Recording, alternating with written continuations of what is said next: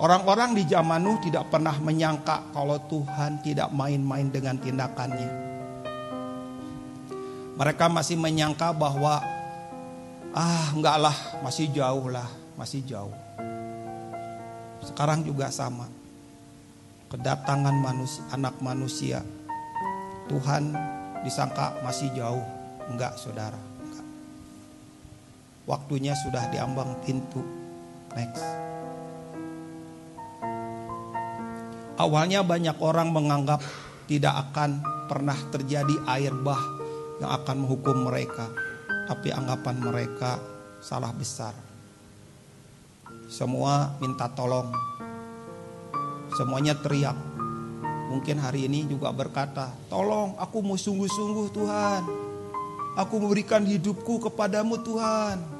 Aku jadi hamba Tuhan. Aku nggak mau main-main lagi. Mungkin teriaknya sama seperti itu.